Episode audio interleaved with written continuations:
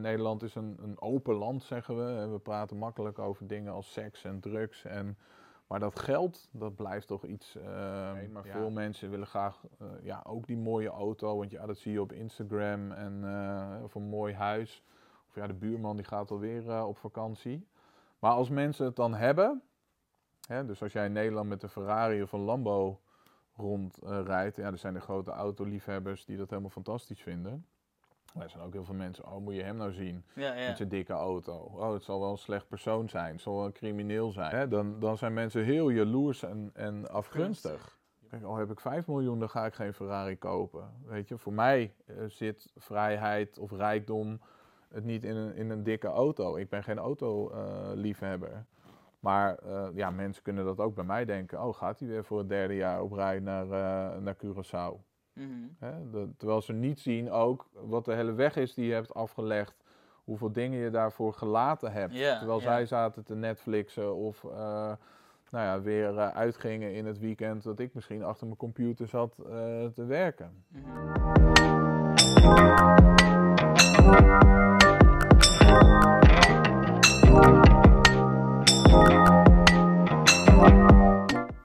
Welkom bij de Bewust podcast. Ik zit hier naast Martijn van den Berg. Ja. Ook wel bekend van Vrijheid Vastgoed.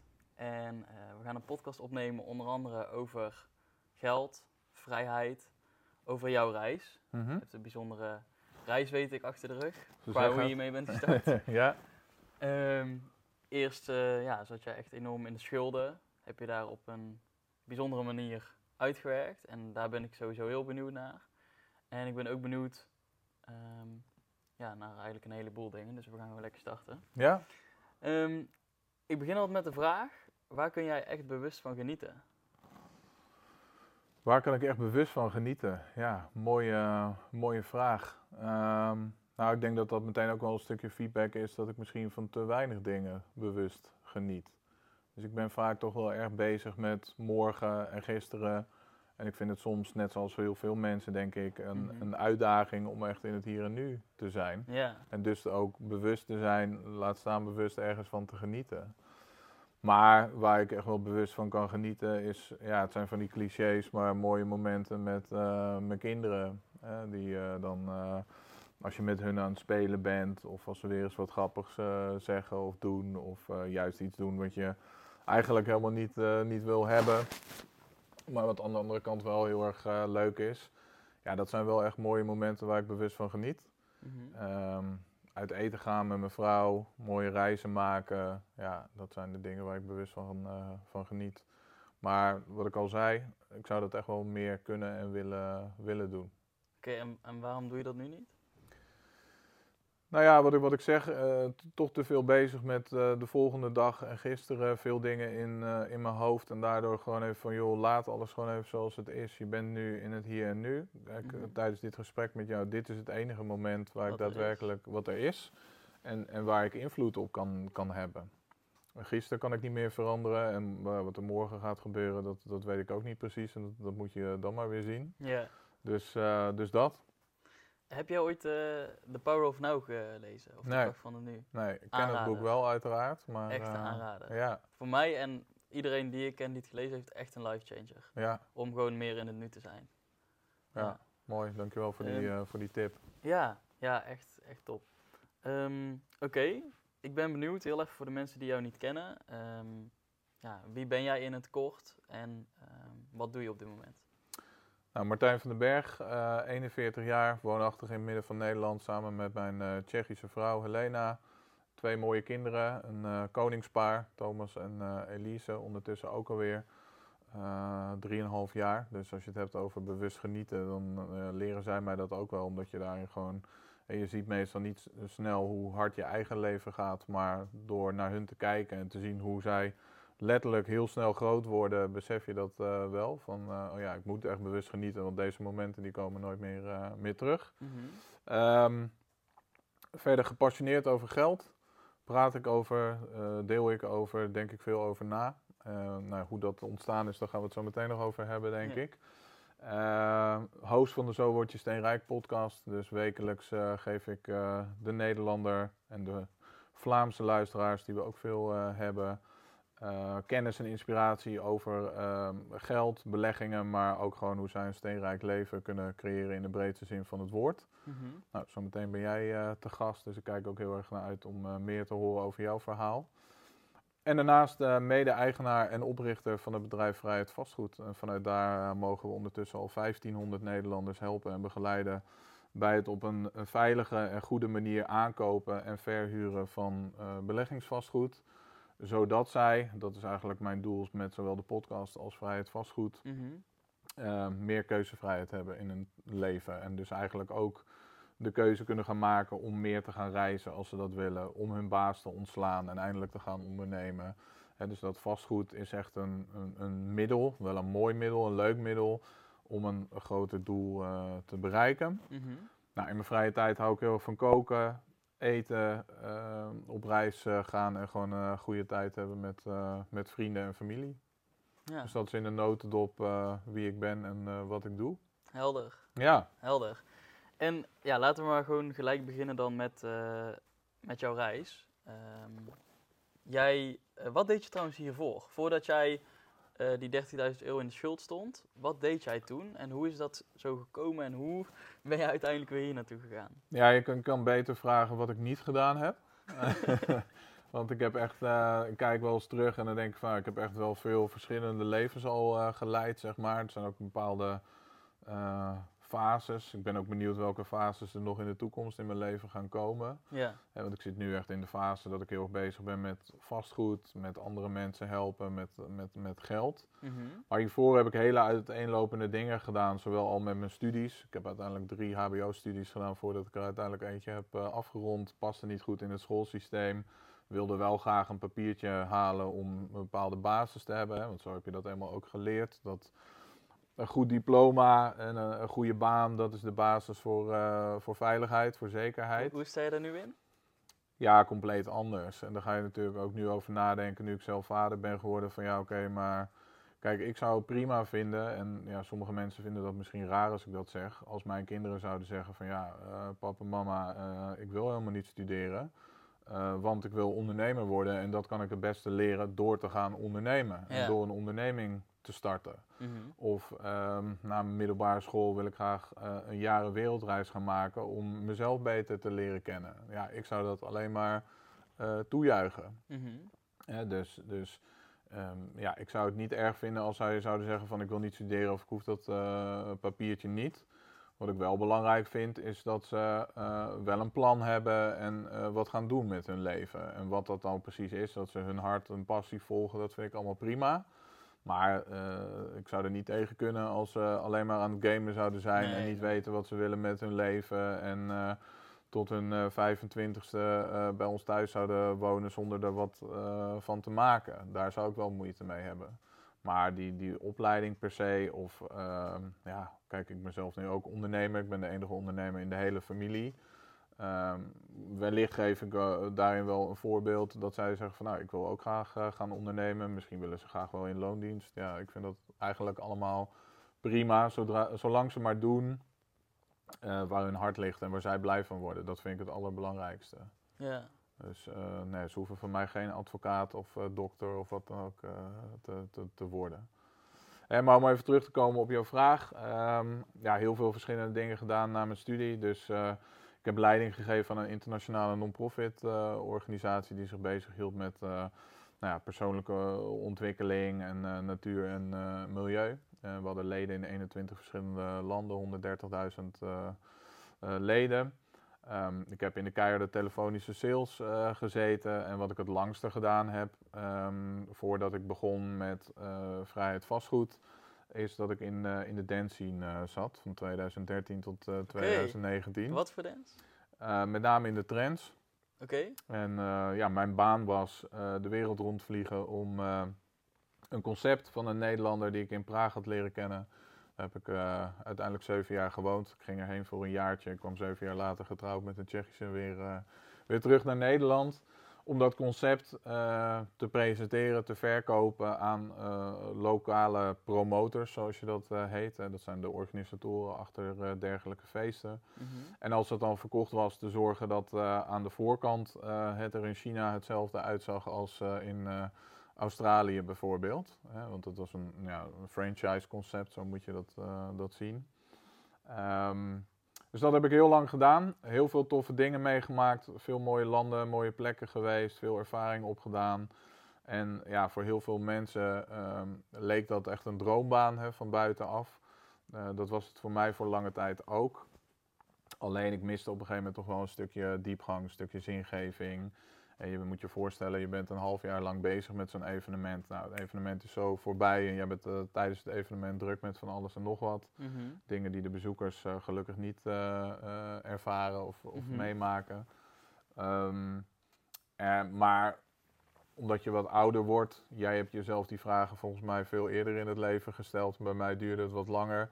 Eh, maar dan gaan de meeste mensen, niet iedereen, toch eens nadenken van oké, wat wil ik nou in het leven? Waarvoor ben ik hier? Wat is mijn bijdrage die ik graag wil leveren? Hoe wil ik graag herinnerd worden? En dan dacht ik toch wel van ja, wat ben ik nou eigenlijk aan het doen? Mhm. Ik creëer een eh, omgeving waarin mensen heel plat gezegd aan drank en drugs eh, naar de kloten gaan. Eh, wel een hele mooie omgeving. hè. Het was echt een mega dikke productie qua licht en geluid en lasers en show. Echt eh top-notch. Maar ik was wel op zoek naar wat meer. Eh, en wat toen ook meegespeeld heeft, is het feit dat we inmiddels gehoord hadden dat we ouders zouden worden van een eh, tweeling. Dat ik rond de geboorte dan in Australië zou, eh, zou zitten. Nou, dat vond mijn vrouw niet een heel erg goed idee en ik trouwens ook niet. Ja. Dus dat heeft er toen wel voor gezorgd, in combinatie met het feit dat we net gestart waren met vrijheid vastgoed en dat dat goed begon te lopen. Dat we dachten van nou, nu durven we die keus te maken. We stoppen met die dance. We gaan ons volledig focussen op die vastgoededucatie. En ik ga nu echt eh ondernemertje spelen, om het zo maar eh, te noemen. Mhm. Maar ik heb dus heel veel eh, verschillende dingen gedaan. Oké. Oké. Dit is inderdaad een hele andere kant. En Ja, Ik vind het wel opvallend dus dat, het, dat in deze generatie steeds jonger gaan we onszelf die vraag stellen. Ehm, Ja, ik ben blij om te zien dat, nou ja, jij schreef me geloof ik hè, dat je al rond je 16e die vragen aan het stellen was. Nou, ik kan je vertellen, ik was op mijn 16e met veel dingen bezig, maar niet met, eh, met dergelijke vragen. Dus ja, ik denk alleen maar dat hoe eerder je jezelf die vraag wel gaat stellen, hoe beter. Omdat je dan ook veel eerder daarvan kan profiteren en bij kan, eh, kan sturen. ja, ja. Ja. precies. Ehm, en hoe, hoe ben jij... ehm, En eigenlijk, als ik daar nog heel even op mag Ja. aanvullen, eh, vind ik natuurlijk dat vanuit de middelbare school, die periode, dat vanuit het educatiesysteem veel meer gestimuleerd zou worden om over dergelijke vragen na te gaan denken. ja, ja, zeker. Ja, dus ehm, ja. Ik hoop daar... Nu, nu, nu voel ik die missie nog niet direct daarin, maar ik hoop dat ik daar ook in een bijdrage op een gegeven moment mag leveren om, om daar echt verandering in te brengen. ja, Ehm, om, omdat, ja, ik geloof dat daar de, daar de verandering gemaakt kan worden. Ehm, nou, ik denk dat je dat al doet hè, door eh, nou, eh, te delen dat jij jezelf die vragen hebt gesteld, en wat voor inzichten je dat heeft opgeleverd en vooral Mhm. door daarna te, te leveren, eh, leven, mhm. ja, ben je al gewoon het, het, het levende voorbeeld, het levende bewijs. Ja, ja, zeker. Ehm, die eh, schulden waar je in terecht bent gekomen, Ja. hoe zijn die precies ontstaan? Ja, dat is wel een interessant eh, verhaal. Ik heb net denk ik als eh, de meeste mensen, de meeste Nederlanders, eh, nou in ieder geval op school, maar ook vanuit huis niet veel meegekregen over geld. Mhm. Echt op de traditionele, de bekende manier opgevoed. Wat ik net al zei, van haal goede cijfers op school, doe goede, goed je best, haal dat diploma, zoek een baan en dan ga je werken tot aan je pensioen en misschien in de tussentijd wat sparen. En nou dat is het dan. Dan heb je het goed voor elkaar en dan ben je veilig, om het zo maar te zeggen. Mhm. En ik was altijd van jongs af aan, ik weet niet hoe ik daar aan kom, want eh, wat ik al zei, in mijn familie zijn er geen, eh, geen ondernemers. Ik ben daarin echt, eh, ja, ik, ik wil niet zeggen het zwarte schaap, maar wel de, de vreemde eend in de bijt, zeg maar. Eh, dat ik al erg van jongs af aan aan het ondernemen was. Dus ik was altijd al dingen aan het verkopen. Dus om je een voorbeeld te geven, ik, ik stond niet alleen op een vrijmarkt met Koninginnedag, was het toen nog eh, de zooi van mijn ouders te verkopen. Ik ging gewoon de hele straat eh, langs om oude zooi op te halen om die te verkopen. Oké, En dan stond ik daar met een koeienbel eh, en te schreeuwen. En nou, dan had ik 300 gulden, wat voor mij op die leeftijd echt gewoon een, een mega bedrag was. En dus ik was altijd wel goed in, in kansen zien en ondernemend. Maar ik wist niet echt goed ehm, nou ja, waarin ik echt een bedrijf op wilde, wilde zetten. En er was één ding waar ik nog eh, beter in was, en dat was het uitgeven van geld. ik zeg wel eens dat ik een eh, gat in mijn hand had eh, groter dan mijn hand zelf. Nou, die zijn aardig, aardig groot. Dus vooral tijdens mijn studententijd, toen dacht ik van ja, ik heb nu tijd, energie en geld. Hè, dat zijn de resources die wij als mensen hebben. Ik heb nu wel tijd en energie, maar ik heb geen geld. Ik wil leuke dingen doen, ik wil reisjes, spullen kopen. Dus ik heb eigenlijk, terwijl dat niet echt nodig was, want ik had toen nog, toen had je nog studiebeurs, dat kreeg je toen nog van de overheid. En met je eh, uiteindelijk je diploma haalde, werd dat omgezet in een gift. En ik had gewoon een goed betaalde baan. Maar desondanks heb ik op een gegeven moment, met name aan het einde van mijn derde studie, echt maximaal bij eh, geleend. Mhm. Nou, ook wat situaties in, eh, in Praag, relatie ging uit. Ik moest weer nieuwe eh, inventaris kopen voor, voor mijn kamer. Ik had een, een, een baan daar met een laag salaris. Nou, lang verhaal kort. Het resultaat was een schuld van eh, ongeveer 30.000 euro. Bij de eh, IB-groep, bij mijn vader en bij de bank. Ehm, nou, die schuld die gaf me veel stress. Ik had ook gerekend met het feit dat ik een goed Nederlands inkomen zou hebben waarmee ik die schuld zou kunnen aflossen. Niet wetende dat ik in Praag zou gaan wonen en werken met een veel lager salaris dan het Nederlandse. Mhm. Dus die schuld van 30.000 euro die leek op dat moment ook opeens veel groter. Nou, ik heb die schuld lange tijd eh, verzwegen gehouden voor mijn eh, huidige eh, vrouw. Want ja, dat is niet iets wat je op de eerste date vertelt, ook niet op de tweede. Maar als je het de vijfde keer nog niet vertelt, dan wordt het op een gegeven moment wel een dingetje. En ik dacht van ja, dit is letterlijk mijn schuld. Ik los dat op. Mhm. En uh, nou, zij hoeft daar niet van te weten. Nou, uiteraard uh, kwam ze er wel achter, want ook uh, Duo wist mij ook in, uh, in Praag uh, te vinden. Dus ik kreeg op een gegeven moment toch de vraag van, joh, wat zijn dit voor brieven? Waar gaat dit over? Dus met de billen bloot gegaan, haar dat verteld. Nou, ze had natuurlijk uh, verdrietig, boos, teleurgesteld, wat dan ook uh, kunnen zijn. Maar in plaats daarvan zei ze van Martijn, voordat wij aan onze toekomst kunnen gaan bouwen, trouwen, kinderen, et cetera, wil ik graag dat het verleden, dat die schuld wordt afgelost. Mhm. Nou, wij gingen nadenken en ik ga je daarbij helpen. Nou, natuurlijk super tof uh, van, uh, van haar. En wij gingen denken van ja, hoe kunnen we dat dan op de beste manier doen? Hè, dan kan je maandelijks natuurlijk een bedrag gaan aflossen. Maar wij dachten, hé, hey, weet je wat, laten we nou een keer slim zijn. Die rente bij Duo is maar 1%. Wat nou als we iets vinden waarin we beleggen wat een hoger rendement maakt dan die 1%? Dan kunnen we de schuld in één keer aflossen en dan gaat het sneller. Nou, klonk als een heel erg goed plan, vind ik nog steeds. Kwam toen iemand tegen in uh, Praag die, uh, nee, ik was een paar keer met hem gaan zitten, nooit over mijn situatie of over geld of zo gehad. Maar hij bleek bij een financiële instelling uh, te werken en nou, opeens kwam dat wel te sprake. Hij wist dus mijn situatie, hij wist dat ik in de schulden zat, hij wist dat ik Ja. die schuld wilde aflossen. Nou, en hij had de oplossing voor mij. Fantastisch product wat hij aan mij gepresenteerd heeft. Klonk allemaal heel erg goed. Ik heb mijn huiswerk gedaan. Ik heb eh, managing directors en andere mensen gebeld die al klant bij hem eh, waren. Die waren allemaal heel erg te spreken, zowel over het product als over hem. En ik ben daar toen eh, in ge- gestapt. En wij gingen maandelijks eh, 900 euro inleggen. Wat we na 15 maanden tijd, plus het rendement wat het zou maken, uit zouden kunnen halen. En de schuld daarmee af zouden kunnen lossen. En ondertussen waren we zelf ook nog wel los wat dingen aan het aflossen. Dus ik had het rood staan bij de bank had ik afgelost. Ik had de schuld bij mijn vader had ik afgelost. Ja, dus dit was een deel eh, daarvan. En na 15 maanden meld ik me bij hem en zeg ik, joh, ja, ik wil nu graag dat geld eruit Ja. halen. Om, zoals je weet, die schuld mee af te betalen. En hij had mij gezegd van, als je na die 15 maanden nog door wil gaan, dan kan dat. Maar dat hoeft niet, dat is allemaal vrijblijvend. En eh, nou, toen kwam er al een heel vaag verhaal van, ja, ik ben druk, ik heb promotie gemaakt. Ik ga je overdragen op een, aan een collega.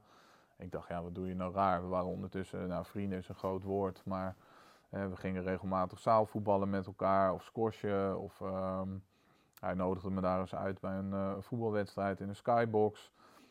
Ik dacht, wat doe je nou raar? Dit is toch zo geregeld? En toen dacht ik al van, hmm, dit, dit vind ik een beetje vaag. En toen heb ik de partij waar ik eh, dat product afgenomen had, Generali, rechtstreeks benaderd en gezegd van, nou, ik wil graag nu dat geld hebben. Ja. Toen kreeg ik een mooi documentje met eh, de surrender value en van de uit mijn hoofd 13.500 euro die we hadden ingelegd, nog even los van het eh, rendement. Mhm.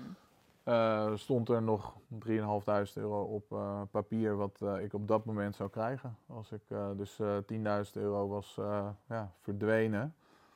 Wat bleek, ik zat vast aan een woekerpolis voor 10 jaar voor 900 euro in de maand. Iets wat je natuurlijk nooit af gaat sluiten op het moment dat je nog een huis wil kopen, kinderen wil krijgen, ja, et cetera. En eh, ja, zoals met een eh, goede woekerpolis eh, gebeurt, ga je eerst natuurlijk drastisch in de min. Ga je alle commissies betalen uit het bedrijf. Nou, dan zit je hem helemaal uit tot het eind en doe je de juiste investeringen. Dan ga je wellicht aan het eind wat, wat rendement maken. Maar mijn wereld stortte toen compleet in elkaar. Ik zei tegen Helena, schat, dit is er gebeurd. Ik weet niet of je nog met, met me wilt trouwen. Dat heb ik letterlijk zo tegen haar gezegd. Nou, zei ze in eerste instantie nog van, ah, dat moet een fout zijn. En daar mist een eentje voor die eh 3.500 euro en eh, komt wel goed. Nou, bleek dat ik eh, ja, was opgelicht. En mijn handtekening zeven keer was vervalst op allerlei documenten waarvan Zo. hij wist, als ik die gezien had, dat ik ze niet getekend had. Nou, daarom had hij het maar voor mij gedaan. Ja, Dus ehm, ja, dat was een hele nare en, en donkere periode. En ehm, nou, dan kan je twee dingen doen. Je kan in een hoekje gaan zitten eh, janken en zeggen dat het een klootzak eh, is. En dat, dat vond ik op dat moment ook. Maar je kan ook gewoon de verantwoordelijkheid nemen en eh, zeggen van... oké, wat had ik anders of beter kunnen of moeten doen en waar is dit fout gegaan? ja, En wat ga ik hier aan doen? Nou, ik heb ervoor gekozen om, om twee dingen te gaan doen. In eerste instantie om dit aan te vechten, om te zorgen dat ik mijn geld terug zou krijgen. Nou, dat is uiteindelijk na anderhalf jaar met heel veel mailtjes, belletjes, tussenkomst van een eh, advocaat. ehm, die ik voor een appel en een ei kon, eh, kon inhuren, omdat ik gewoon ook met mijn casus te doen had en wist dat ik niet eh, heel ruim zat financieel. Is dat goed gekomen? Heb ik zelfs nog een ruime compensatie gekregen. Dus uiteindelijk is het nog een goede belegging geweest ook. En daarnaast, en dat heeft wel wat langer geduurd, maar dit was voor mij wel het moment dat ik dacht van ja Martijn, maar dit gaan we nooit meer meemaken. Zo gaan we het niet meer doen. We gaan niet nog een keer eh, je zuur verdiende spaargeld aan iemand anders toevertrouwen en dan maar hopen dat diegene een goed persoon is en daar goede dingen mee gaat doen voor jou. Eh, dus ik wist altijd al ehm, dat ik met dat hoofdstuk geld nog een keer wat moest doen. Alleen nu was het geen keuze meer. Nu moest ik op dat moment daarmee aan de slag. En ben ik echt op dat moment eh, ja, bij- geld gaan bestuderen. Zo kan je het wel zeggen. Dus ja, eh, filmpjes gaan kijken op YouTube. Eh, nou, ik ben niet echt een lezer, maar gaan kijken van welke boeken zijn er. Nou, dan kom je toch heel snel Rich Dad Poor Dad kom je tegen. Dan leer je, dan gaat er een wereld voor je open over passief inkomen, financiële vrijheid, cashflow. Ik ging kijken ehm, hoe werkt geld en nog belangrijker, hoe kan het voor mij werken? En wat doen de rijke mensen nou wat ik niet doe? Ja, Nou, dan kom je één woord heel vaak tegen en dat is eh, vastgoed. En ehm, ja, wij dachten van ja, oké, maar als er zoiets als financiële vrijheid bestaat, dan willen wij dat. En dan gaan we dat doen met vastgoed. Dat leek ons heel erg leuk, heel erg interessant. Alleen toen rees de vraag van ja, maar waar begin je dan? ja, En eh, ja, zijn we dus echt op zoek gegaan naar, naar kennis en begeleiding eh, daarin.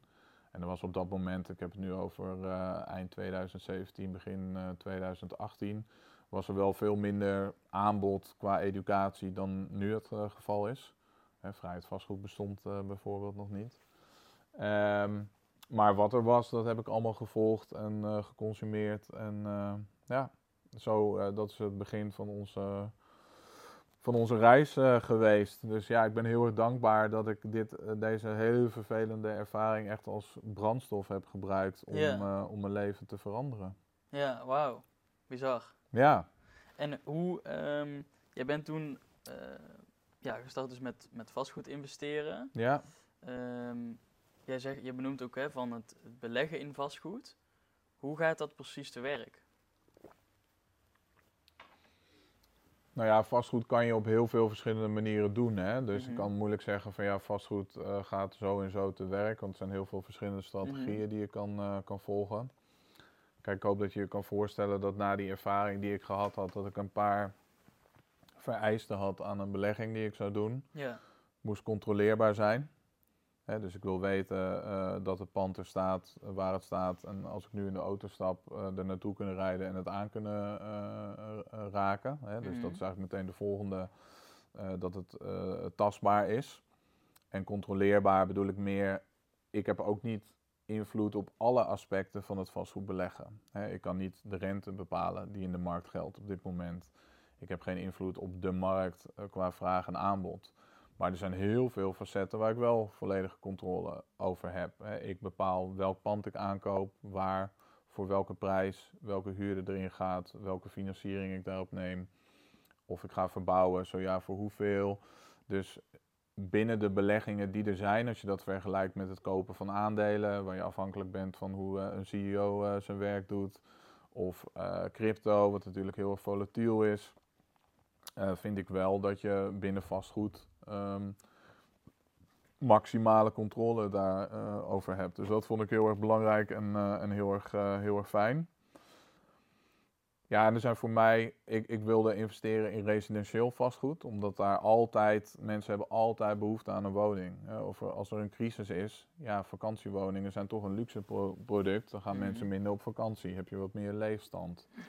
Uh, bedrijfsonroerend goed, ja, hartstikke interessant. Maar hetzelfde, wij zitten hier ook in een mooi uh, bedrijfsverzamelgebouw. Maar ik weet zeker dat als de pleuris uitbreekt uh, op economisch gebied, dat dit pand binnen een hele korte tijd voor de helft leeg staat. Ja.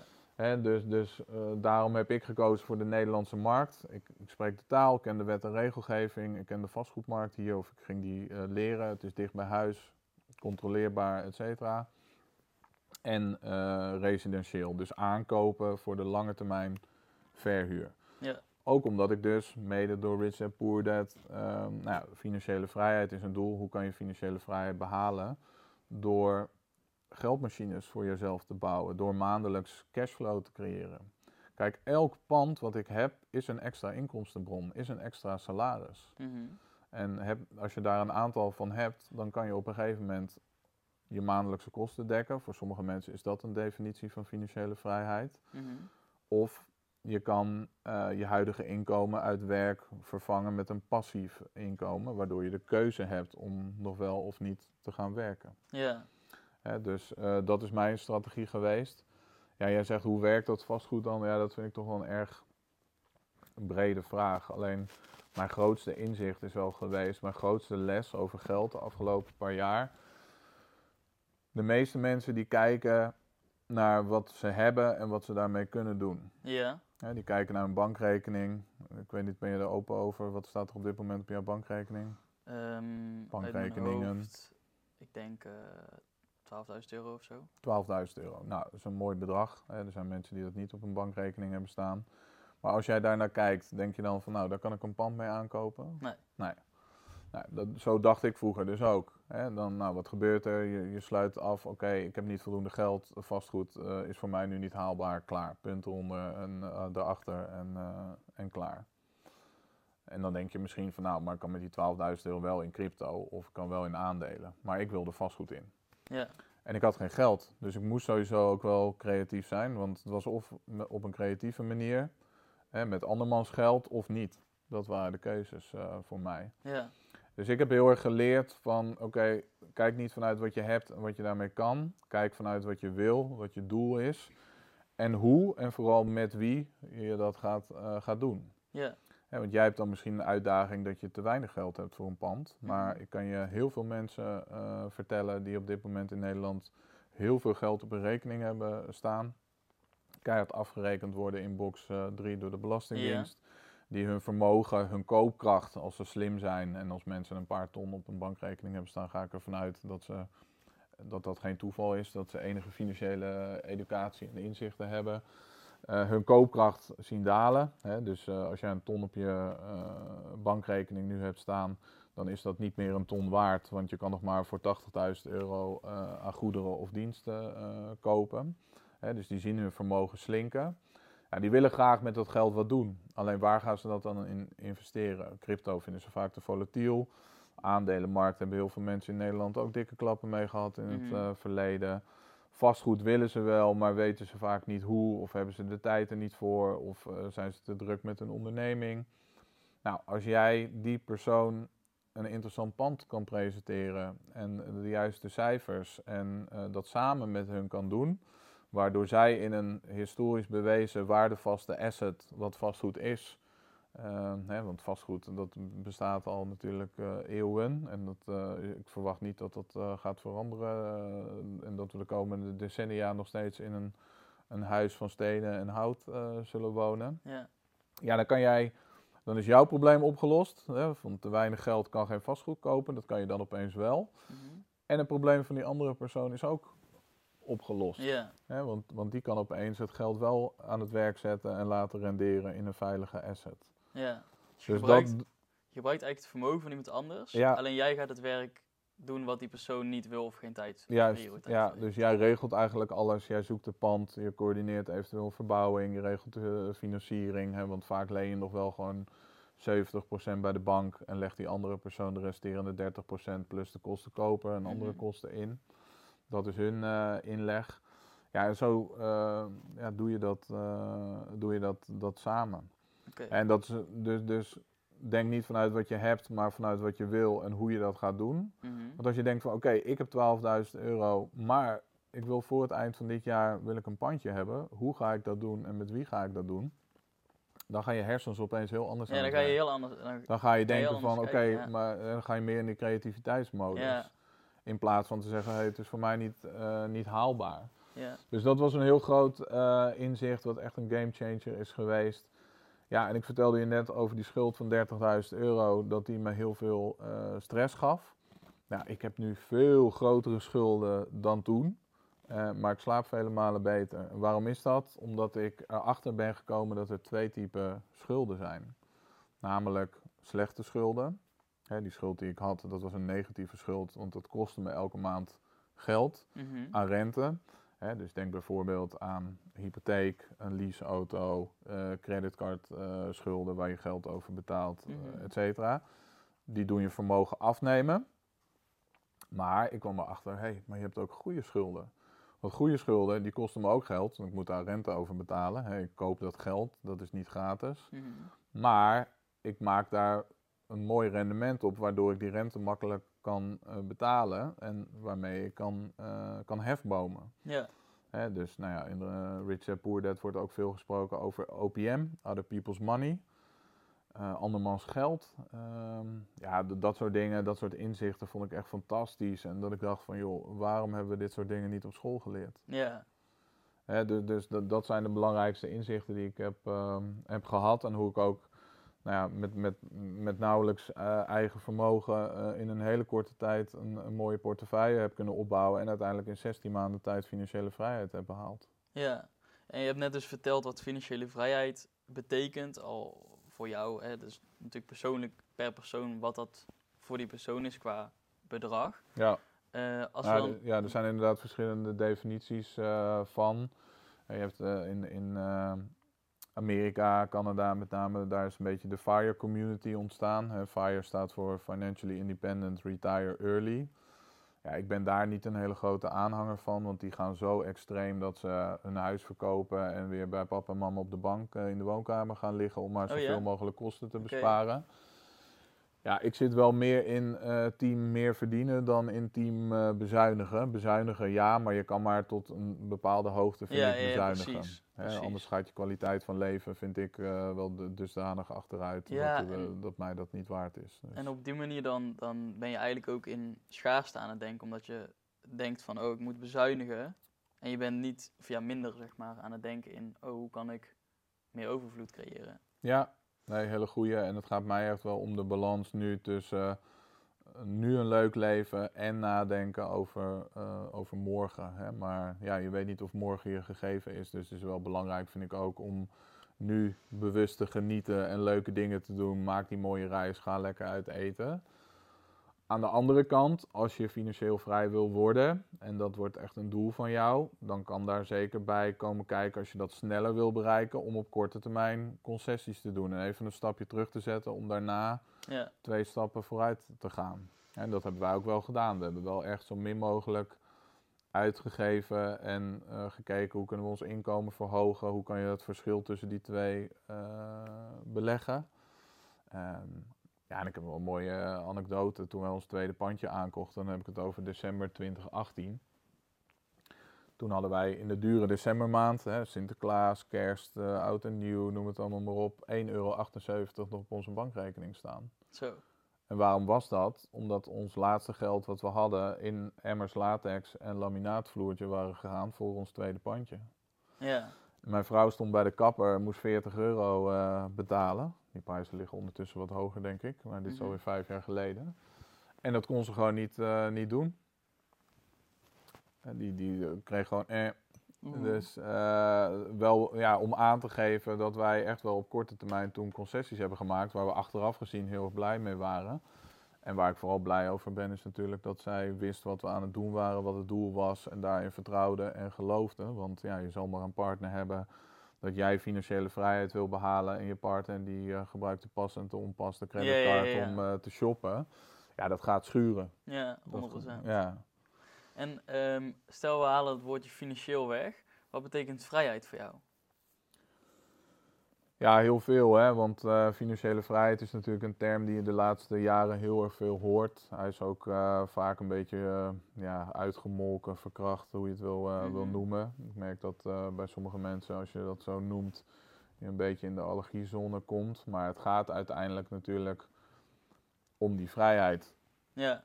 En financiële vrijheid is een onderdeel daarvan en niet alleen. Um, maar geld en het niet hebben van financiële stress uh, kan er wel echt voor zorgen dat je die vrijheid hebt. Hè? Dus wij hebben het nu ook veel vaker bij Vrijheid Vastgoed en in de podcast Zo word je steenrijk over uh, keuzevrijheid. Hè? Dus dat je de mogelijkheid hebt om nou ja, te stoppen met werken, te gaan, uh, te gaan reizen. Dus gewoon het leven te leiden op je eigen voorwaarden. Dat je de dingen kan doen waar je passie ligt, die jij echt leuk vindt, uh, zonder daarbij na te hoeven denken over uh, ja, hoe en waarom. En die vrijheid zit hem voor mij in hele kleine dingen, dat je nou, je kinderen ochtends zelf naar school kan brengen. Of dat je kinderen niet vijf dagen bij de kinderopvang hoeven te, te zitten, zodat papa en mama kunnen, kunnen werken. Of nog een mooi voorbeeld, dat je naar een restaurant kan gaan en iets uit kan kiezen waar je op dat moment echt zin in hebt. Wat je gewoon lekker vindt, zonder te kijken van hé, hey, wat zijn de prijzen? En oh ja, dat is niet, nee, dat, dat wil ik eigenlijk, maar dat is te duur. Mhm. Dus dat soort hele kleine, eh, ja, kleine, kleine dingen. Dat is voor mij een, een gevoel van vrijheid. Dat ik nu 16 december eh, aanstaande weer lekker een aantal maanden kan gaan eh, overwinteren. Nou, ik heb het geld om dat te doen. Ik uh, hoef niet een baas te vragen of ik uh, vrij kan krijgen, of ik weg mag. Mhm. Nou, sowieso zou ik dan, we gaan weer drie maanden minimaal, uh, zou, zou dat natuurlijk helemaal, dan zeggen ze van nou neem dan maar ontslag. Ja, Um, ja, dat, dat is voor mij vrijheid. ja oké, interessant. Ehm, en heel even iets anders. Waarom denk je tussendoor dat er een uh, taboe zit over, over geld? Omdat het is ook een van jouw missies om dat een beetje te doorbreken, ook door middel van jouw podcast. Waarom zit er zo'n taboe over geld? Serieus en niet. En Nederland is een, een open land, zeggen we. En we praten makkelijk over dingen als seks en drugs. En, maar dat geld, dat blijft toch iets, uh, ja, even los van het feit dat iedereen dus dat succes nastreeft. Mm -hmm. Of iedereen, maar veel mensen willen graag uh, ja, ook die mooie auto. Want ja, dat zie je op Instagram. En, uh, of een mooi huis. Of ja, de buurman die gaat alweer uh, op vakantie. Maar als mensen het dan hebben. Hè, dus als jij in Nederland met een Ferrari of een Lambo rondrijdt. ja, er zijn de grote autoliefhebbers die dat helemaal fantastisch vinden. Maar er zijn ook heel veel mensen, oh moet je hem nou zien Ja, ja. met zijn dikke auto. Oh, het zal wel een slecht persoon zijn. Het zal wel een crimineel zijn. Het zal wel... eh, Hè, dan, dan zijn mensen heel jaloers en, en afgunstig. Gunstig, Je mag in Nederland niet, als jij hard gewerkt hebt en je hebt succes gehad, dan mag je daar niet mee hè, te koop lopen. En dan heb ik het niet over dat je, eh, moet je mij zien, eh, dat je daar zelf heel erg belangrijk mee gaat lopen doen. Maar als iemand een, een, mooie auto heeft en die heeft daar hard voor gewerkt en die heeft een onderneming of uh, die heeft een, een gouden idee gehad. Ja, is toch fantastisch dat Ja. iemand dat bereikt heeft. Als hij of zij daar blij van wordt. Kijk, al heb ik 5 miljoen, dan ga ik geen Ferrari kopen. Weet je, voor mij uh, zit vrijheid of rijkdom het niet in een, in een dikke auto. Ik ben geen autoliefhebber. Uh, maar uh, ja, mensen kunnen dat ook bij mij denken. Oh, gaat hij weer voor het derde jaar op rij naar, naar Curaçao? Mhm. Hè? De- terwijl ze niet zien ook wat de hele weg is die je hebt afgelegd. Hoeveel dingen je daarvoor gelaten hebt. Terwijl zij zaten te Netflixen of eh, nou ja, weer eh, uitgingen in het weekend. Dat ik misschien achter mijn computer zat eh, te werken. Mhm. Ja, goede vraag. En het eerlijke antwoord is dat ik daar steeds, nog- steeds niet helemaal achter ben. Ja, ik vind het heel dubbel, want in Nederland, ik denk dat je dat beaamt, is de maatschappij er wel heel erg op gericht op succes, ambitie. Ben je jong, zit je op een verjaardag, nou je ooms en tantes vragen altijd, hè, hoe gaat het op school en wat ga je Ja. eh, doen als je later groot bent? Wie ga je worden, terwijl Ja. je al bent? Ja, ja, ja, ja, ja, ja, ja, dat is zo Eh, maar wie ga je worden? Want wat je gaat worden, dat is wat je doet qua beroep, qua, qua werk. Hè? Dat is je identiteit, je Mhm. persoonlijkheid. Nou, ik denk dat die twee echt los van elkaar moeten eh, staan. Want je bent heel iemand anders dan het beroep wat je doet. Mhm. Maar dat is een ander verhaal. En dus iedereen is wel heel erg ambitieus. Mensen in Nederland zijn heel erg bezig met, met opleiding en carrière maken. En oh, eh, ik heb promotie gemaakt. En, ehm, maar zijn helemaal niet open over geld. Er wordt naar mijn mening veel te weinig over geld gepraat. En dan heb ik het nog niet eens over op school, maar ook gewoon thuis. En dat zie je bij arme gezinnen, want daar geeft geld stress. Mhm. Maar bij heel veel rijke gezinnen ben ik erachter gekomen, wordt ook niet over geld gepraat. Oké. En dat geld, dat is er dan gewoon. En de kinderen die weten niet beter. En papa en mama zijn daar ook niet open over. Waardoor heel vaak wat je ziet is dat die kinderen dan een, een onderneming erven. Of, of een heel groot vermogen of een vastgoedportefeuille. Maar eigenlijk geen idee hebben over hoe ze dat moeten beheren. Laat staan verder uitbouwen. Ehm, dus ik vind dat heel erg ehm, dubbel. Eh, salaris. Waarom praten we niet daar in de kantine over van joh, eh, Axel, vertel mij eens, wat, wat, wat, wat verdien jij eigenlijk? Als jij mij dat zou vertellen, dan zou eh, zowel jij als ik zouden daar voordeel mee kunnen doen. Het feit dat mensen niet onderling delen hoeveel ze eh, verdienen, want ja, dat is niet beleefd. En wat zou iemand wel van me vinden? Want ja, misschien verdien ik wel minder dan, dan jij. En ja, dat wil ik niet. Maar wie doen daar een voordeel mee? De werkgevers. Want doordat wij dat niet met elkaar uitwisselen, Mhm. eh, gaan wij ook niet zeggen van hé, hey, wat is dit nou? Eh, Axel die heeft, omdat hij eh, beter is kennelijk in onderhandelen, we hebben dezelfde positie en toch verdient hij een paar honderd euro meer in, in de maand. Hoe zit dat? Ik wil dat ook. Die profiteren hiervan. ja oké. Dus ik wil gewoon in Nederland het, het gesprek over geld, of dat nou is thuis aan de, aan de keukentafel, binnen relaties.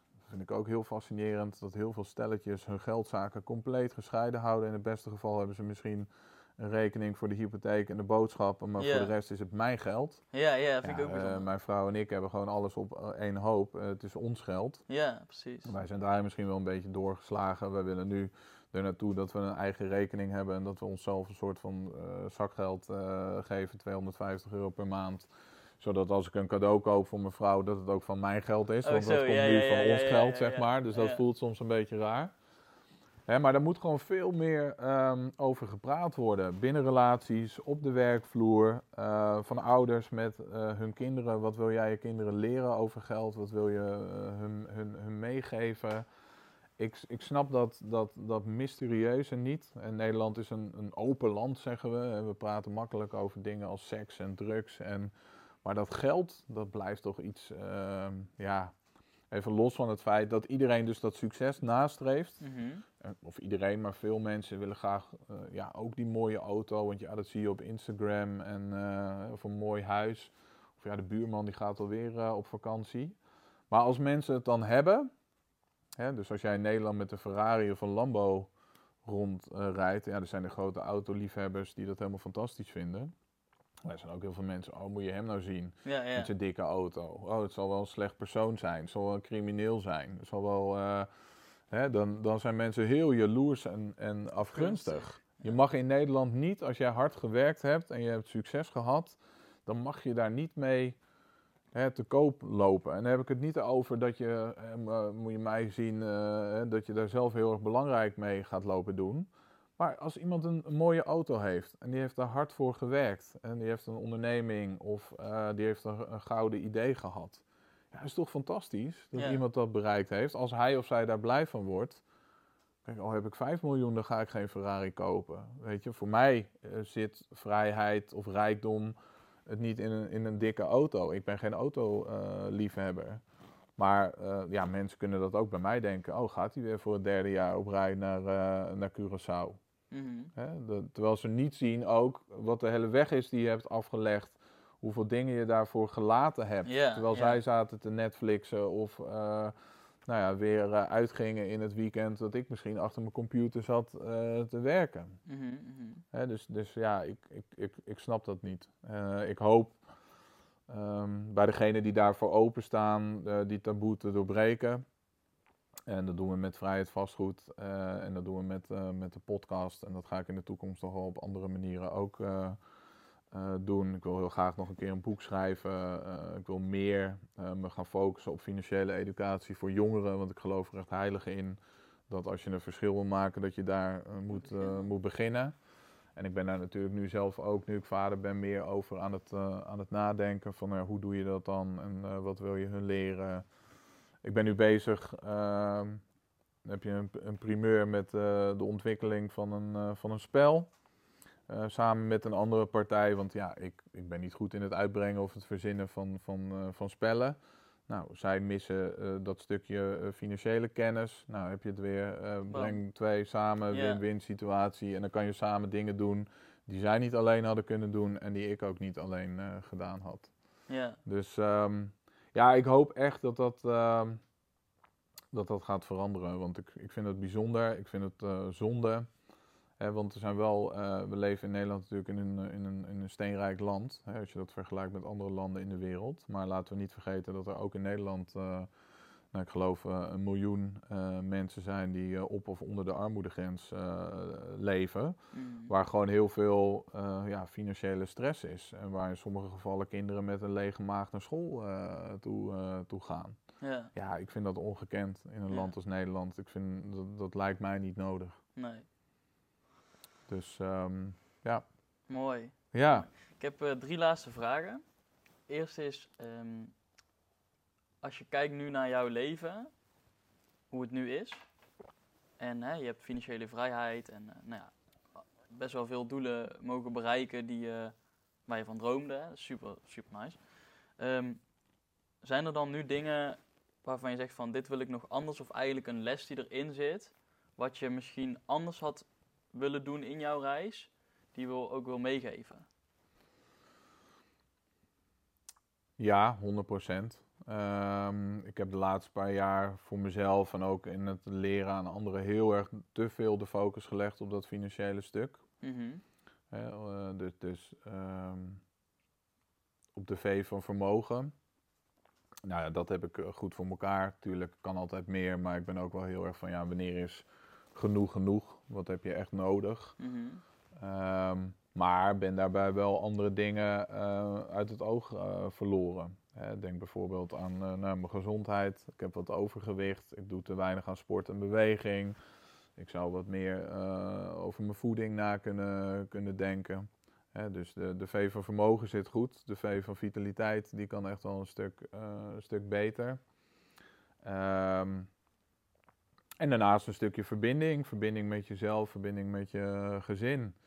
Ik zit nu in een fase, en dat vind ik ook heel erg interessant. Hè. Ik had eerst financiële vrijheid als doel. Ja. Nou, dan heb ik dat eh, bereikt veel sneller dan ik gedacht had. Hè, want ehm, ik heb het in, in 16 maanden tijd gedaan. Ik durf te stellen dat met de kennis van nu ik het in een, in een- met 0 euro startkapitaal binnen een paar weken zou kunnen, kunnen doen. Maar ehm, ik had niet echt een doel al voor daarna. Mm. Hè, daar had ik nog niet over nagedacht. Dus ik werd eigenlijk een beetje overvallen door het feit dat ik het zo snel bereikt had. Eh, financiële vrijheid, nou ik wilde miljonair worden, dan heb je die doelen bereikt. En dan denk je van, oké, en nu? Eh, en dan moet je niet vergeten waarom je het ook alweer deed. Want die financiële vrijheid, dat, dat is een leuk doel. Maar het ging er natuurlijk om dat je dan meer die keuzevrijheid hebt. Dat je dan bewust kan genieten. Ehm, dus ik moet nu leren om maximaal gebruik te maken, te profiteren van die financiële vrijheid die ik voor mezelf verworven heb. Ja. In plaats van, en dat is mijn valkuil, omdat je natuurlijk daar niet zomaar gekomen bent, ja, daar toch aan gewend geraakt bent om het op een bepaalde manier te doen, te rennen, hard te Ja, werken, te ja, ondernemen. Eh, en nu hoeft dat eigenlijk niet, eh, niet meer. Hè, dus dat is de fase waar ik nu in zit. Hè, dus eh, leven in het hier en nu, bewust genieten.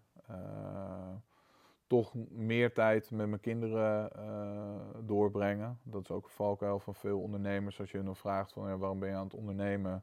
Dan is het ja, meer tijd, meer vrijheid. Ik doe het voor mijn gezin. Ik wil wat moois opbouwen. Mm. Nou, in de realiteit eh, werken ze harder en meer uren dan ooit. Voelen ze zich helemaal niet vrij, maar vaak gevangen in hun eigen bedrijf. Ja, En eh, op een gegeven moment eh, is een vrouw bij hun weg of zeggen kinderen over hun vader van ja, eh, die is er nooit. ja, dus ik denk dat dat vooral heel goed en belangrijk is om je van bewust te zijn. Dus ja, daar wil ik de komende tijd dat ik in die hoedanigheid ook meer een voorbeeld ben voor anderen. Voor nou ja, mijn eigen gezin, mijn kinderen. Dat vind ik het allerbelangrijkste. Hè, hoe zij naar mij kijken. Maar ook zeker naar onze klanten en naar onze podcastluisteraars. En, en niet alleen dat financiële stukje, want het financiële stukje is leuk. Maar ik kan je vertellen, eh, als je geen goede gezondheid hebt en je leeft niet lang of je bent eh, ziek, nou, ik zou de- die panden en dat geld eh, zo inruilen. ja, Hè, dus die balans die moet, moet, moet beter. Ik scoor nu denk ik op vermogen een, een, een, een 8 of een 9. Hè, ook daar zit altijd ruimte voor verbetering. Maar op die andere vlakken waar ik het net over had, een, nou, een, een- misschien een, een, een, een, een kleine voldoende, maar op sommige vlakken ook gewoon een dikke onvoldoende. ja. Dus daar wil ik nu graag meer op eh, gaan, eh, gaan focussen. Mooi. Ja, Ja, goed dat je het in ieder geval nu inziet en niet eh, over 10 of 20 jaar. nee, nee. En ja, het le- leven geeft je daarin ook genoeg Tekens. signalen, Ja. tekens. En dan is het aan jou om die te negeren en lekker weg te drukken of om er wat mee te doen. Ja, En eh, negeer ze, dan eh, worden die tekens alleen maar groter en heviger. Maar eh, het zou fijn zijn om nou ja, te voorkomen dat je hè, uiteindelijk echt een ziekte hebt of een burn-out of wat dan ook. mhm. Ja. Heb ik een laatste vraag voor de laatste vraag? Twee Dankjewel. had je er nog, toch? Ja, dat is een laatste vraag voor de laatste la- vraag. oh ja, sorry. Ja. Sowieso dankjewel ja, voor je openheid en voor het delen daarvoor. Ehm, nou, ik heb- denk dat een podcast daarvoor is, toch? Ja, dan kan je wel heel 100%. mooi zeggen van, joh, nee, ik heb niks te wensen en alles gaat fantastisch. Ja, ik Zeker. denk niet dat, eh, weet je, ik, ja, ik ben ook maar een, een mens en ik, ik beheers gelukkig wel een stukje zelfreflectie. Dus, Mooi. oh. Ja, dat is heel eh, belangrijk. Ehm, stel mensen die dit nu kijken, die denken, nou, ik wil ook gewoon heel graag, ik denk dat uiteindelijk iedereen wil, eh, hè, als, het, als het mogelijk is, meer financiële vermogen of financiële middelen om bepaalde dingen te kunnen doen, wat het dan ook is voor je.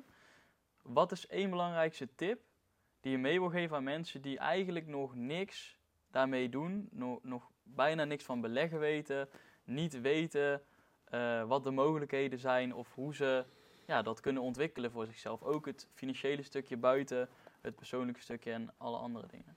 Ja, ik vind wel mooi in je vraagstelling zeg je al van of het mogelijk is. Ik geloof er heilig in dat voor iedereen die dat wil, het Mhm. mogelijk is. Ja. Laat ik dat voorop stellen. Dus, eh, maar het allerbelangrijkste als je ehm, nou ja, financieel wil groeien, kijk nu eens naar je bankrekening. Als je dat ziet, wa- wat voor emoties roept dat bij je op? Wat voor gevoel geeft dat? Nou, als jij daar stress van eh, krijgt, eh, neem die verantwoordelijkheid over je eigen leven. Dat is de basis, dat is het belangrijkste. Ga niet zeggen, en dat is de makkelijkste weg die de meeste mensen kiezen. Ja, maar ik heb niet veel geld, want eh, mijn baas betaalt me te weinig salaris. Of de eh, boodschappen zijn weer omhoog gegaan. Oh ja. Of eh, ik moet te veel belasting betalen. Ja, hè, dat kan misschien allemaal wel zo zijn. Maar wat kan jij er nu aan doen om dat te veranderen? Zijn er bepaalde uitgaven waar je op kan bezuinigen? Hoe kan jij je inkomen verhogen? Ga eens dat gesprek met je baas aan om te kijken of je een salarisverhoging kan krijgen. Ga eens kijken of je naast je inkomen uit werk een tweede of een derde inkomstenbron kan creëren. Een side hustle kan gaan doen, wat bij kan eh, verdienen. Ehm, hè, dus ik vind, als je nu in een situatie zit die jou niet aanspreekt, die jou stress geeft. En als die stress er niet is, want dat is ook een probleem in Nederland. Heel veel mensen zijn gewoon net te comfortabel. Die Ja, kunnen ja, gewoon ja. net wel de rekeningen betalen elke maand. Kunnen één keer of twee keer per jaar op vakantie. En vinden het wel allemaal best zo. Ja, oké, maar eh, ga eens nadenken, wat gebeurt er met jou? Hoe lang kan jij het uitzingen als jouw baas jou nu ontslaat? En denk niet dat dat niet kan gebeuren hoor. Ik bedoel, ja, we zitten nu in een tijd dat uh, goede mensen schaars zijn. Maar uiteindelijk ben jij voor de meeste bedrijven gewoon een nummer. Mhm. En als ze jou niet meer nodig hebben, dan sta je zo buiten. Ja. Hoe lang hou jij het dan vol? Hoeveel maanden kan jij de vaste lasten betalen en zorgen dat er eten op tafel staat voor je kinderen? Mhm. Hè, dus ik denk dat dat ehm, ja, belangrijk is om te doen, die verantwoordelijkheid eh, te, te, te nemen. De knoppen waar jij aan kan draaien, enerzijds je uitgaven, anderzijds je inkomen, ja, wat kan je daarmee doen?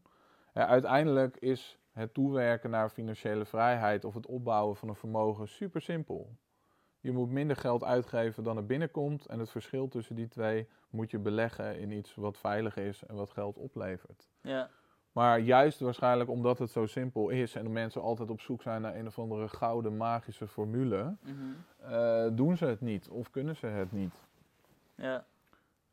Maar het begint met eh, verantwoordelijkheid nemen, een stukje financiële educatie.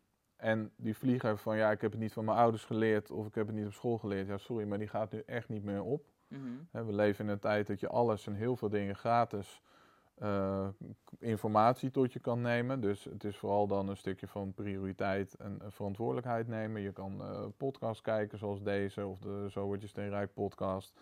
Nou, voor eh, een paar tientjes koop je interessante boeken. Hè, dus het is echt niet zo van, dat je meteen cursussen voor duizenden euro's aan hoeft te, te, te schaffen. Ja, ga je kennis verbreden. Ga over geld praten.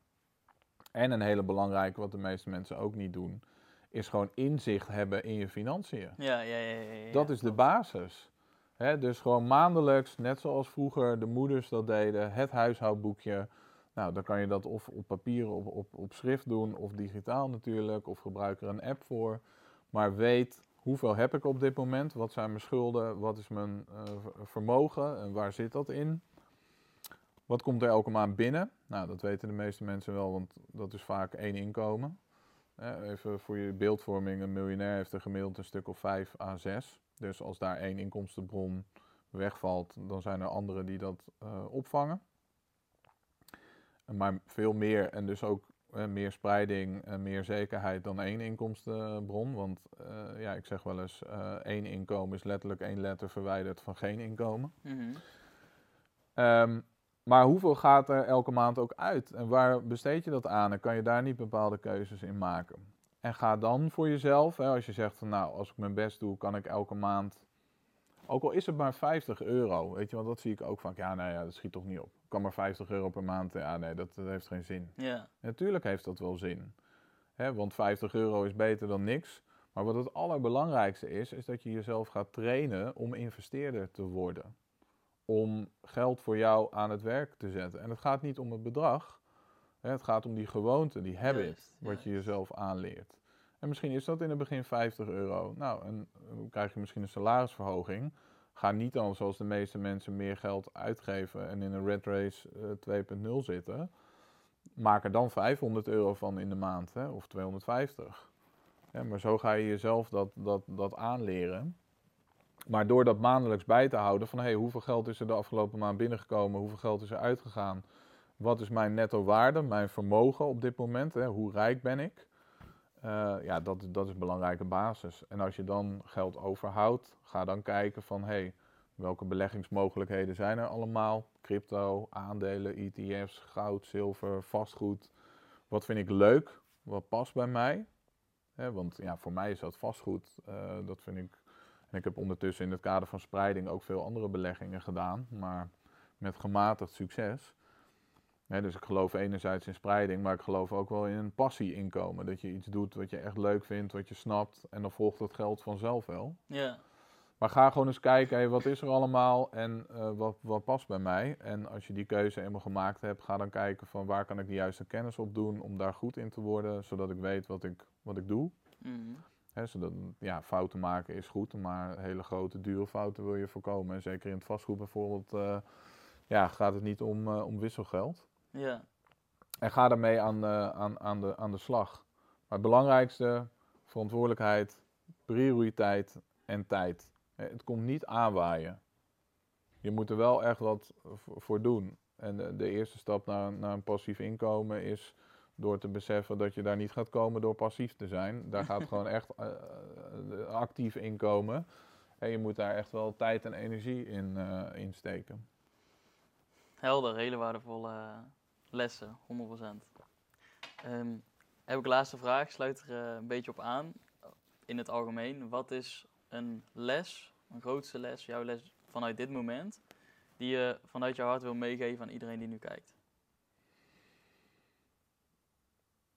Ja, uh, goeie. Ik denk dat ik al flink wat, wat lessen, wat inzichten uh, gedeeld, uh, gedeeld heb. Maar um, ja, ik denk vooral neem die verantwoordelijkheid over je leven in de breedste zin van het woord, maar zeker ook over je financiële leven. Hè? Als, als dat je nu niet aanstaat waar je nu in, in de situatie waar je in zit. Laten we wel wezen, wat er op jouw bankrekening staat, is een reflectie van de acties die jij in het verleden ondernomen hebt. En wil je dat veranderen, dan zou jij moeten veranderen, zou jij wat anders uh, moeten doen. En ja, hou jezelf niet voor de gek door te zeggen, ja, geld maakt niet uh, gelukkig en uh, gezondheid is niet te koop en al dat soort dingen. En daarmee doe je jezelf denk ik echt heel erg tekort. ze hebben onderzoek gedaan en dat ze vroegen aan mensen van, ja, wat wil je nou echt in het leven? Wat zijn jouw dromen? Nou, ik geloof dat uh, eh, 95% daarvan te realiseren was met, uh, met geld. Hè, dus uh, nee, geld maakt per definitie niet gelukkig. Maar het niet hebben van geld maakt wel heel erg ongelukkig en geeft heel veel, veel stress. Dus ja, dat, dat zou ik graag willen meegeven. Neem die verantwoordelijkheid, want het is het waard. En gezondheid is in zekere mate best wel te koop. Uh, je kan niet voorkomen dat je uh, een bepaalde ziekte niet krijgt, maar je kan wel vitamine kopen, je kan biologisch eten kopen, je kan een personal trainer nemen om aan je gezondheid uh, te werken. Dus sommige dingen in de gezondheid zijn echt wel te, te koop. Dus um, ja, ik denk dat dat heel belangrijk is, omdat het je, en het gaat uiteindelijk niet om het geld. Ik denk dat dat wel heel goed is om te beseffen. Het gaat erom wat je met dat geld vervolgens kan doen. Ja, ja. En als je op zoek bent naar meer zingeving en je wil een non-profit organisatie uh, en, en, vervolgens het geld wat je met vastgoed uh, verdiend hebt weer aan de minder bedeelden uh, weggeven, ja, fantastisch toch? Maar als jij echt impact wil maken op, op de wereld, dan is dat geld ook wel heel fijn en handig om te hebben. Want ja, hoe meer geld je hebt, hoe grotere dingen je kan, kan doen. En wat niet wil zeggen dat je als je geen geld hebt, dat je niet kan bijdragen. Want ik denk dat het belangrijkste wat je momenteel nog kan geven aan mensen in deze tijd is oprechte aandacht en uh, delen van je kennis. Of, uh, nou ja. Maar uh, dus dat, ja. Dankjewel, dankjewel. Graag gedaan. Dankjewel voor, yes. ja, voor dit gesprek. Um, mochten mensen met jou willen connecten, kunnen ze jou gewoon een berichtje sturen op Instagram? Ja, zeker. Wij uh, nou ja, staan bekend dat we heel erg uh, bereikbaar en uh, laagdrempelig zijn. Dus Instagram, Vrijheid Vastgoed, Zo wordt je steenrijk podcast, Martijn van den Berg. Of vind me op, op LinkedIn. En dan ja, kijk ik ook graag met mensen mee hoe een situatie is en wat wij eventueel voor hun zouden kunnen betekenen om uh, te zorgen voor een, uh, een, nog vrijer leven en uh, bewust genieten. nice. Ik wil jou als luisteraar bedanken voor het luisteren naar deze podcast. Als je dus met Martijn wil connecten, stuur hem gewoon een berichtje. Als je met mij wil connecten, stuur hem gewoon een berichtje op Instagram. Ik zet de linkje sowieso in de beschrijving. En dan zeg ik zoals altijd, geniet bewust van dit moment. En tot de volgende. Dankjewel.